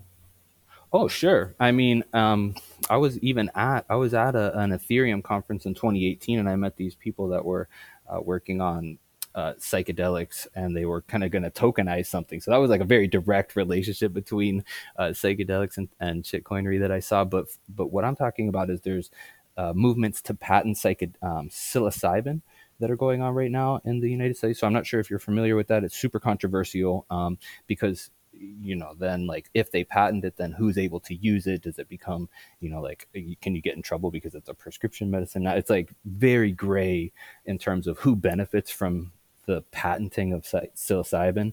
Um, there's also a the therapeutic movement. So there's like a, a, whole bunch of doctors that are being trained in, in psychedelic guides and you know psychedelic therapy. And not all of that is on the up and up. Some people, some of these guys are taking advantage of people that are in the psychedelic state, and and um, there's a whole podcast that actually goes into people that are having these different problems of like, you know, there's MDMA therapy that you know women were kind of getting like, you know, the doctors were getting touchy feely, and dude, that's like a super violation. You know what I'm saying? Like this is like serious stuff, and you have these people that are messing around because it's people you just it's just anytime you get people involved you just have to always kind of verify what's going on so so there's also even even if you go to the original psychedelic tourism which to me is ayahuasca shamanism so people like paying to go to an ayahuasca shaman and a little retreat in the jungle and stuff and do psychedelics like that is at its core a little bit of a weird thing you know because you have it becomes you have some some people that are probably true healers that are like really good and they're doing their work down there and they're actually shamaning it up or whatever it is. But you're gonna also have like Larry from Nevada that goes down over there and pretends he's like hippie high horror shaman and like now he's gonna do your guiding and and you know you pay him to do it and like things could just go wrong with that. So so these are some of the examples that I'm talking about is just that there's anytime you have financial interest in it, it becomes a little bit you just have to like um, be a little bit skeptical of this stuff. But the other side of that, like I'm very much in in favor of like fully legalized psychedelics. Like I think you should just be able to go to like 7-Eleven and just pick up your LSD there. Like I don't think there's any reason that you shouldn't be able to do that that type of stuff. So uh, I do have like I I definitely don't have any problem with like the capitalization of it or or capitalism or any of that. It's not it's not that at all. It's just that I don't like people taking advantage of other people and that, and that's more what I'm talking about. Yeah, and it's like patents are not a capitalistic thing. They're like a government invention. Right. If you're putting a patent, it's to keep other people out. You're trying to gatekeep yeah. keep in some way. And I don't know so much about that controversy, but I do know that's one of the very hot topics of controversy right now in psychedelia is is patenting of, of psilocybin, and that that's been going on for the past year. A very, you know, it's very loud. It, so if you look into that, you'll see stuff. It's pretty funny because I went to Mexico for a crypto psychedelic conference, and that was kind of the time where I was like, okay, uh, it was just a ridiculous conference, and I was like, yeah, this crypto thing is is not what I what I thought it was. but I think I saw videos from that. Oh, really? I did see yeah. Terence McKenna, uh, uh, Dennis McKenna, and had a nice chat with him, which was really made the trip worth it. That is cool. But yeah, the, you're right. Um, you have to be like careful when entering the this field, and well, there has been like a lot of there has been a huge psychedelic renaissance here in Iceland. Um, we have earlier this year in January, we had a pretty big conference on psychedelics, and we had Michael Pollan as a speaker. Who else? Uh, had a, a, bunch of prominent speakers, and since that conference, there has been a huge wave, and um, there are uh, there are a do- like maybe a dozen like psychiatrists who are taking people into sessions, especially MDMA. Well, they're it's kind of been evolving. They do now MDMA, and they're doing like the EMDR. I'm not sure if you're familiar with it. I am familiar with that. Yeah, and so they use like the EMDR method, and they use MDMA. Then they use a little bit of mushrooms, and even if it's like a tough case, they will uh, also administer DMT. Interesting. Yeah, I mean, to me, I'm and I put this in the article. I'm super skeptical on any of the guided psychedelic stuff because you you really have to just find the right person. If these doctors are, are the right person for you and they're you know a person that you have a good relationship with and you feel fine with them, that could be a very helpful relationship. There's certainly nothing wrong with that, but to me, like I'm very much in the sense that with psychedelics, you want to know your dose of whatever you're taking. You want to know your substance. Well, first you need to know your substance, then you need to know your dose, and you need to know your source. So those are the three things that will kind of keep you safe in the psychedelic sphere. And I think like with things like mushrooms, it kind of gives people a way that they could do it themselves. You know, like they can kind of take their psychedelic journey in their own hands. They don't have to be reliant on someone else to kind of provide them something. And also just there's a lot of benefit to like for example growing mushrooms or something like that because it takes a long time. So during this time that you're going through it it's like if you go to a drug dealer and you get it you can pretty much have the drug in your mouth in 20 minutes. But if like you're growing the mushrooms like it's going to take you a month or two to like actually get things going and figure it out and like actually fruit them and dry them and like okay now i know what i have and you should have enough now that you can actually in essence just become familiar with it because now you have something that okay these, if you just take all your batch and powder it up for example now you have homogenized it so the dose is all very even. So now you have something that's reliable and safe that you can kind of get yourself familiar with. And you don't even need to start with a large dose. Like if you go to a drug dealer you kind of want okay like it's tonight i'm gonna just get one of these like it is what it is. But if you kind of took the time to do this yourself now you have a little batch kind of put away take your take you know take your time with it. You move yourself easy into it. You do small doses that aren't even going to probably affect you at first and work your way up to doses that you feel comfortable with. And by that time you now have kind of a very good feeling for how this makes you feel how much you know how much of it does a certain effect on you and how long it lasts. And those things are very important because a lot of people just get worried about things like did I take a poison? Is this thing even real? Is this bad? You know, like when you do get it from a drug dealer, you have all these questions that you don't know, and you could be on the best LSD of the world, but just get yourself worked up and thinking that someone poisoned you and have a bad time because of that. So it, these type of things you can kind of take control of and weed out.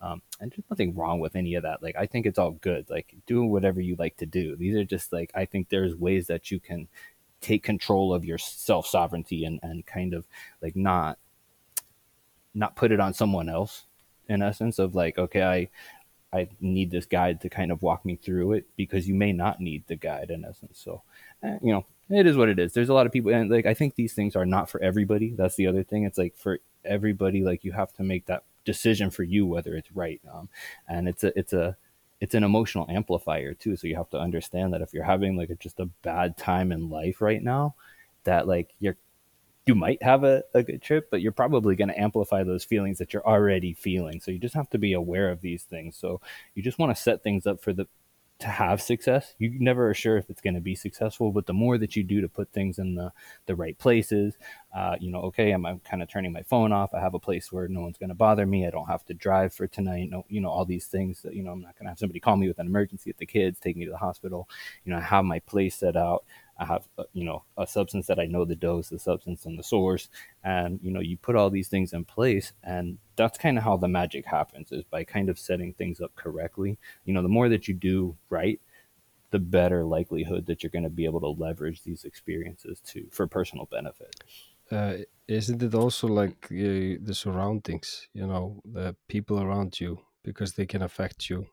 Like 100%. subjective as well, you know, you there's a person around you is you could just feel some kind of vibe from that person and that gets amplified when you're taking LSD or psilocybin. You you you just sort of it's like uh, their their vibe is or their feelings are sort of blending into you. And uh, absolutely you have to pick your people very carefully you know like like it's either you know any any person it's either yourself or any person that you're going to let into this you have to really have a good feeling about them. Uh, you could have these random people that you've never met before and have these amazing you know times and bond with them. Certainly like you know anything is anything can happen but you're just opening yourself up to more randomness and the possibilities of like you said maybe what if you don't like one of these people and now you're stuck with them for 12 hours? It's like you know it kind of ruins the vibe you know you you want your set and setting to be right. So the set is your mental thing and the setting is like you know the people you're with the music that you have who's going to bother you. You kind of want to have all these things exact uh, well defined because they do make a huge difference. Yeah that's why i've slowly come to like the realization that the terence mckenna way is the way uh, where he goes. You have to wait. It it needs to be five grams and you should be alone in a room with no music no tv and just see where it takes you. I guess I am advocating the Terence McKenna method in some way. So yeah, that's yeah. Uh, I'm glad you brought that up because I totally forgot about that. But yeah, he he does say that, and he also says uh, he and I love this quote from him. He says, "If you don't have a moment where you're worried that you took too much, then you probably didn't take enough." Yeah, that's hilarious. Like you should always get that. Oops, did I do this yeah. a little too high? Because uh, you know, but yeah, I think caution's always well warranted. But but um, you know, and that's the thing with these psychedelics. People are finding out there's benefits at all kinds of different levels. So you can have these high dose experiences that are very beneficial, but you don't always need to go there to get personal benefits. You could get like you know, you could get life changing benefits or life changing effects from doses that aren't quite that high. Um, it's just definitely you know you need the, and that's another thing about these tools is I say you need to use them. You can't just you know read about them or think about them and think you're going to understand it. So psychedelics, you know, you kind of need to actually take the plunge to know what's going on. And the same thing with Bitcoin. You know, you're not going to until you've actually like used it. You know, if you have Bitcoin on an exchange, that's one thing. But I think like it's definitely another thing when you bring it into your own wallet and you're able to send it from there. I think it's like a huge thing for most people because it's very final. So like if you put a hit of LSD on your tongue, it's very final. There's no going back from it. Same thing with a Bitcoin transaction. Once you send that shit, like, you know, that's out of your wallet and it's gone. You know, it, it's there's no taking it back. So you better have sent that to the right address. For sure, and also just like using Bitcoin, uh, I can explain to you a hundred times how the transaction goes and how miners confirm the transactions and the fees and everything. But uh, like as soon as you do it yourself, you, you realize it. There is nothing like nothing that compares to just using Bitcoin or even like I, I remember when I sat out my node for the first time. That was like a huge aha moment of of how the whole network works. So I I'm a big advocate of using uh, Bitcoin to better understand it. Yeah, I had one of those aha moments too. The first time I had a, a wallet that I I deleted and then reinstalled, that to me just blew my mind that the Bitcoin was still there, even though I deleted the wallet like totally, like it's not on my phone anymore. And I just loaded it up again from the, you know, added the seed in, and there it is, just like nothing, you know. And like it could be a totally different device. It was just like the the Bitcoin's not in your wallet; it's on chain. Like that that that was like a huge, like oh shit moment to me. Like I don't know. So, and I think there's just so many of those that I think, and I think cultivating those as a human is very valuable to us. Like finding all these things that are like, oh shit, like that's cool, you know, because there's so many people that are not interested in anything. You know, they just spend their life watching TV and go to work and you come home, you have food and go to sleep, and that's like there's no, no nothing that you're into. You know, no hobbies, no nothing. So I, I think it's a blessing for us that that do have uh, an interest because I always tell people you can't help what you're interested in you know like there's nothing that, that tells you like oh you should be interested in this or not. It's just like you, your brain just does this weird stuff. It just likes what it likes. And so you know it's like you can't help what you're interested in. But once you have this interest you kind of want to follow that and see where it goes. So uh, but I'm, I'm very glad that my interests have led me like you to the psychedelic and bit, bitcoin rabbit holes just because i think they're valuable to me personally. You know i don't know how they work for everybody else but to me they, they seem to work and, and i'm very grateful for both yeah, they don't seem to work for everybody. I was just I was on Twitter earlier and I saw that uh, Greenpeace was putting up advertisements in New York City against Bitcoin, and they're naming like uh, BlackRock, and it's kind of when there has been a lot of uh, positive news, for instance, regarding Bitcoin, that it gets this uh, backlash of now Greenpeace like throwing up a huge advertisement in New York. Um, so, and I've noticed the same in uh, same lately with uh, psychedelic pushback. I know, uh, like like Bitcoiner Svetski, he was pretty vocal about it a few months back. I think he wrote an article on on psychedelics and how they're you know on on the bad aspects and like uh, it was an article against psychedelics. And now just a few days ago jordan peterson also tweeted like a hot take uh, was the biggest mistake of my life. And he he had an article with that which somebody else wrote of a bad experience. So yeah I, I just think that's a bit interesting because uh, how that seems to work always like when when something gets a lot of attention, you you seem to get like as amount of pushback. Oh, that's a very valid point. I totally saw the Peterson. Uh, I saw the Peterson tweet, and I read the article from the guy, and I even had a similar experience to the guy where he he had a like kind of had a psych- psychotic break in essence, and I actually had a similar thing happen to me in the, the late 1990s, and I I was I was almost thinking, you know like the guy just hasn't had enough time yet in essence like because when those things happen it it's extremely disassociative and extremely alarming to you at a, at a very deep level but like over time like to me like it's almost like man you know i wouldn't trade that experience for anything because like i just feel like it was very formative to me and that's another thing that I do like to bring up. I almost like don't believe in bad trips in the sense like I do think like these challenging experiences that people have are actually the greatest opportunities for growth. We just don't handle them well. You know, society doesn't really have a framework that knows how to handle psychedelic crisis very efficiently. So they do things like put you in a little white room and a like straight jacket, and that's just obviously not the right thing to do. Uh, what you want to do is kind of like let people open up, like what's going on, like work through this stuff, and like you will see people transform coming out of these like bad trip type experiences. So I do think.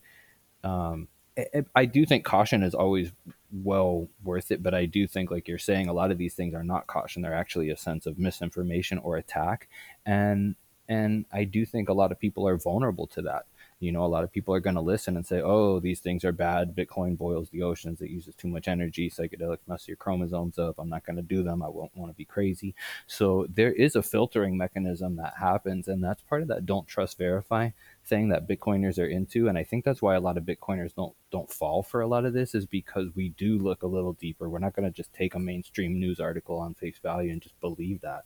So I think that there's value in that because I think I would say probably 60% of the whole world is just ready to just take whatever the news feeds them. You know what I'm saying? I don't know if that's true, but I just feel like like almost in the matrix how he said people don't want to be woken up they're not ready to be woken up they don't want to be woken up they just want to like stay in their their bubble. Um, so there's there's an apathy, and I think that's probably one of those great dangers to self sovereignty is is other people's apathy or just lack of care because they don't they don't know they should care because we're in a very weird position in life right now. Like we're kind of spoiled as far as humans have ever been. Yeah, yeah, and I I also relate. I I have had a similar episode of uh, uh just kind of reality delusion um, it wasn't like quite as long as yours, and it, it went over like it took me it took me a day to get back. Uh, but it was a bit it was very scary for me. I like I've never been as afraid in my life, but also for people around me. But then I was uh, doing a little trip with a close friend a few weeks back, and he had a similar episode. But because we had experienced it through me before, there was like no stress and we we managed to handle the situation very nicely and just to calm him down and tell him everything like that you're experiencing is totally normal. And and we ended up going into the ocean and had had a little bit of cold plunge and that seemed to really get him back. But i can imagine if he was not in like with somebody experienced and he would have gone to the hospital i mean that's that would have been hor- horrible and probably a like really horrible experience that would leave a mark for months if not years to come. So i think it's a lot about like how we handle it and how we as a society you know start understanding these states that you can get into. Hospital is not a nice place to be.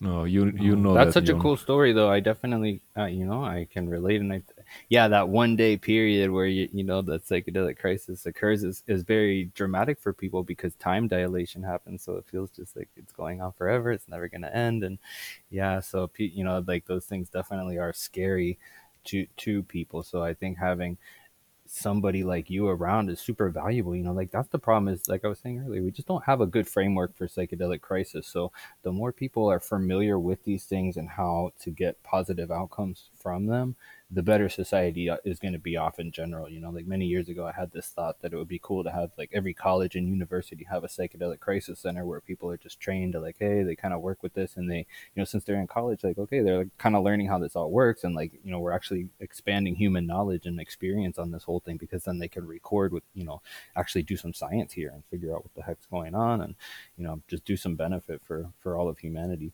So we'll see how that all plays out, but I think like the more knowledgeable people, the better. Because those attacks, like you said, they're just always going to be there. There's always going to be people that have incentives that are aligned differently than than the self sovereign individual. Self sovereignty is not in a lot of people's interest. It's actually in our own interest. So, you know, you, sometimes your your interests are counter to other people's, and you just have to understand that because you you know there's incentives all around us and they just play out. That's one of the reasons why I love Bitcoin is because it, it understands human incentives and it kind of become stronger because of them.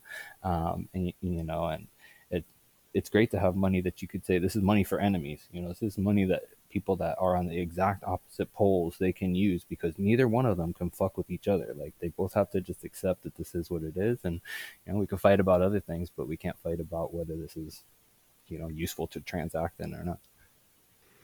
Uh, that's so true. And also just to bring it back on the on the bad trips, because I, I also find like my bad trips are are more the most valuable. The same kind of in Bitcoin, like uh, when Bitcoin crashes eighty percent, those are like the most valuable moments. And like after you experience uh, a crash in price like that, you kind of feel a sense of I don't know, I don't know what I would call it, like a you're kind of free. You're like you experience this like i can't find the word for it but like you're like liberated and uh, at a certain point in in one of those crazy crashes i was like i don't care about the price anymore. Like one bitcoin is one bitcoin. And i kind of just and after that i haven't really like focused a lot on the price. It's more like about the my my total Bitcoin amount that I that I rather focus on. Yeah, man, that's super deep. When you said that, it it really hit that it's like the psychedelic crisis is like one of those crashes because you kind of don't know why this is happening, what's going on. Um, you know, like there's just a lot of questions that you can't answer, and that is certainly very much like a psychedelic crisis state. And, and I do I find that to be a very interesting correlation. Um, and, and, the funny thing is, is just like that, it's things are cyclical. So just because you're down now doesn't mean that you're down forever. Like you're just gonna come up again soon. It's just a downtime in the cycle. So you just have to understand that that that's actually natural and things just can't go up only forever you know so just like your life and you you know you go through a series of bad times and shit just seems like it's really hard nothing's going your way well you know like well you just have to hold on because you know sooner or later things are going to turn out and you're going to just be on top of the world. But then when you're on top of the world you can't take you know you can't take that for granted and you have to understand that sooner or later things are going to swing the other way and you're going to be in hard times again. Like things just kind of roll like that. So you just kind of have to hold on in the bad times be thankful in the good times and just you know be aware that that these things do happen over and over again and, and just hold on hold, holding on is really the only thing that you can do because the only other option is to quit and that just is always like a bad path although some things you need to quit, I guess it's just always like a all life is trade offs. You have to find out where you know where you're where you fall. I think. Well put. Really well put. I was also reading uh, Ioni Appelberg's new book. Uh, it's called Abundance Through Scarcity. Yes. Have you read it? No, I saw that released. I didn't get a chance to read it yet. It looks good though. It's on my list. It's really good. it's good. good book. And he's just talking about like how the fiat system is like a heroin for society and then bitcoin comes in and it's like a psychedelic makes you realize all of the all of your wrongdoings and and opens your mind oh yeah i'll have to get it that sounds like a cool cool analogy i, I think also it's I think you touched upon it earlier, Fractal. Uh, the your position and other people, you know, they might not have gone through the same steps as as perhaps you or me, or you know, that we have sort of a certain understanding of something, whether it's psychedelics or whether it's Bitcoin, and we sometimes ourselves forget to realize that five years ago we were in the same in their shoes. Uh, we didn't know so much and uh, uh, it's a good way to sort of realize that that people are just they just don't know or they haven't gone through um, built up the resilience or, or, or something like that. And like the thing with the crash when the when bitcoin drops in price some a lot of people they they they just lose their shit. But uh, bitcoiners who have gone through crashes before you know they know it's it's no problem you know, it, it, it will get better. It, you know, it's down now, but wait four years, two years, you'll be happy again. I mean, and and then some people go even further, like Eva, just like I don't care about the price anymore.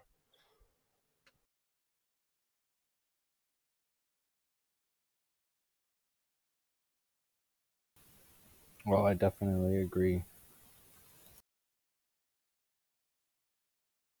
Well, this has been an amazing chat.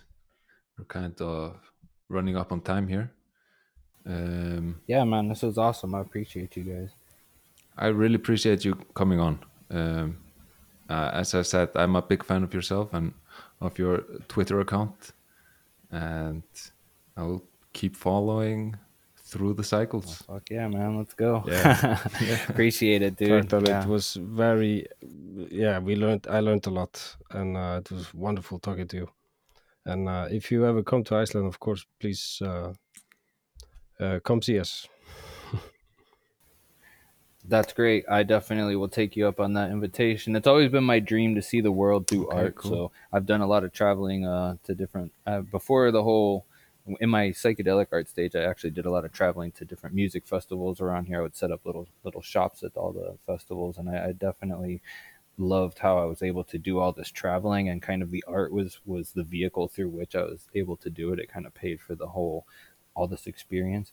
Um, so I'm definitely looking forward to traveling more of the world as and seeing it and kind of letting the art see if it can bring me around and see where we go. So I might be in Iceland is what I'm saying. Please do come.